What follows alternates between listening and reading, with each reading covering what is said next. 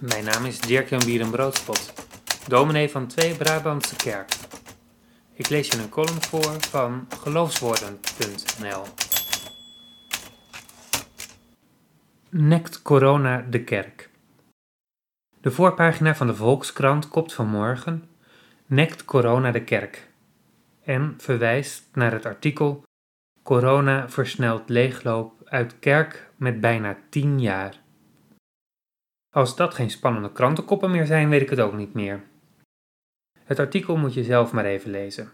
Waar het me hier om gaat is die vraag of corona de kerk nekt en wat die eeuwige prognoses van de leegloop van de kerk nu eigenlijk betekenen.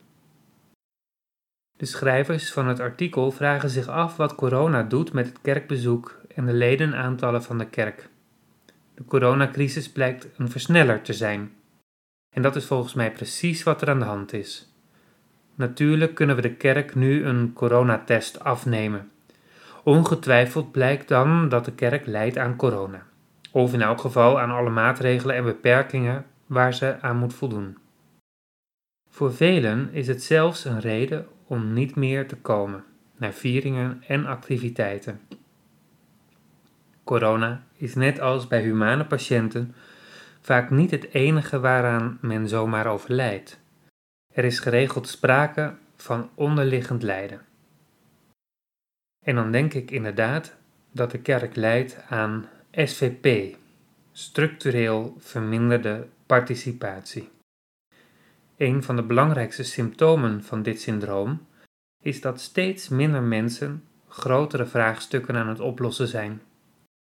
Een kerk die last heeft van SVP overvraagt structureel een te klein aantal vrijwilligers.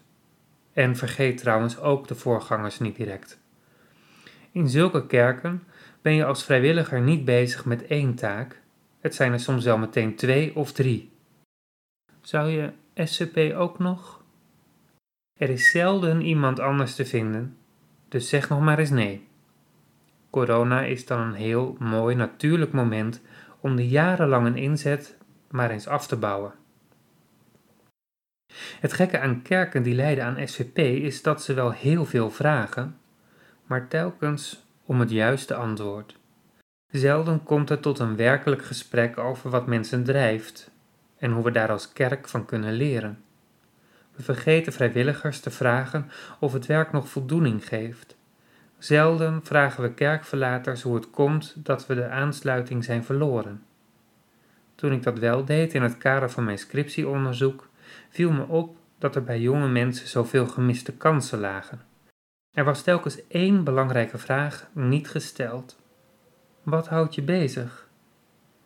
De kerk mist daardoor juist bij jongere generaties heel wat depressies, live events en alle daarbij behorende levensvragen. Wie een boodschap wil brengen, zal eerst boodschap moeten hebben aan de levensverhalen van anderen. Net als bij corona is er nog geen werkend vaccin of medicijn. Je kunt de patiënt alleen zo goed mogelijk ondersteunen. Er wordt wel gesproken over revitalisering. Hoewel dat hoog scoort op mijn jeukwoordenlijst, is het denk ik toch wat nodig is. Alleen ben ik er nog niet helemaal over uit hoe dat dan kan. Maar misschien hoef ik ook wel geen antwoord te geven op die vraag. En zal ik die vraag opnieuw moeten stellen aan iedereen die ik telkens spreek.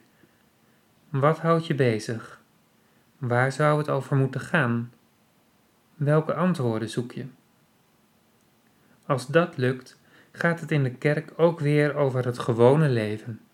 Dan is er wat te halen voor iedereen.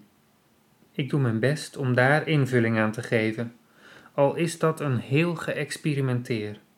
Maar ach, een geslaagd experiment is een mislukking waar je iets van leert. Toch?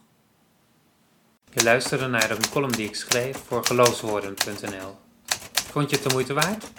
Deel het gerust met anderen. Graag tot een volgende keer.